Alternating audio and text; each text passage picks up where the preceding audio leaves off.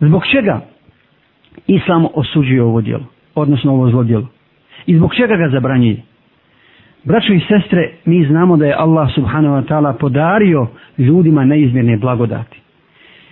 A od tih blagodati jesu i organi njegovog tijela, kojim je Allah dao i podario i stvorio mu ih da bi ih koristio u pokornosti Allahu Đelešanu. Kako bi zaslužio Allahu nagradu, kako bi što više hajra s njima uradio a ne nije mu je Allah dao da bi ih koristio u grešenju. I Allah nas obavještava da ćemo biti pitani za naše organe. I za sluh, i za vid, i za ruke, i za noge.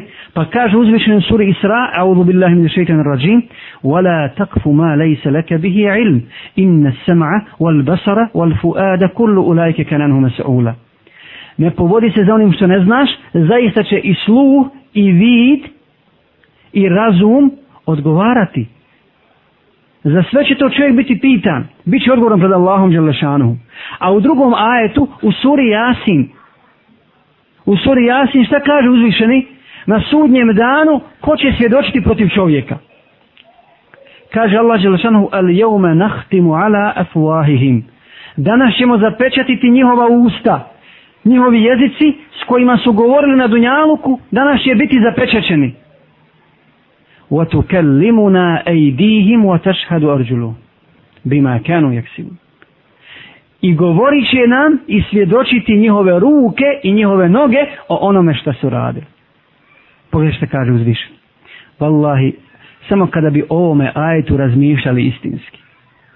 Šta rade naše ruke i kuda hode naše noge? Šta slušaju naše uši i gledaju naše oči?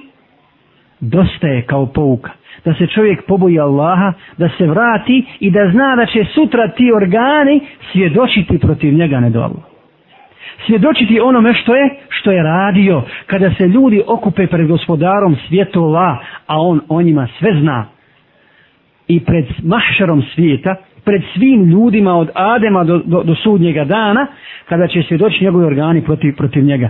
A u sljedećem ajetu u istoj suri šta kaže uzvišeni?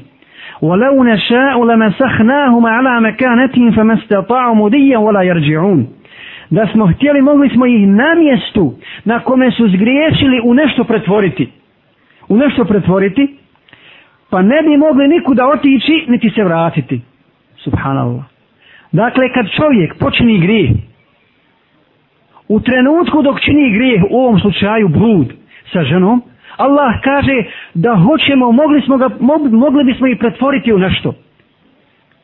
Mogli smo, mogli, mo, možemo ih pretvoriti u životinje. Možemo ih pretvoriti u bilo šta da ih izvrgnemo ruglu na dunjalu kada ljudi vide. Da, se, da uzmu ibret, da uzmu povuku. Ali Allah iz svoje milosti odgađa.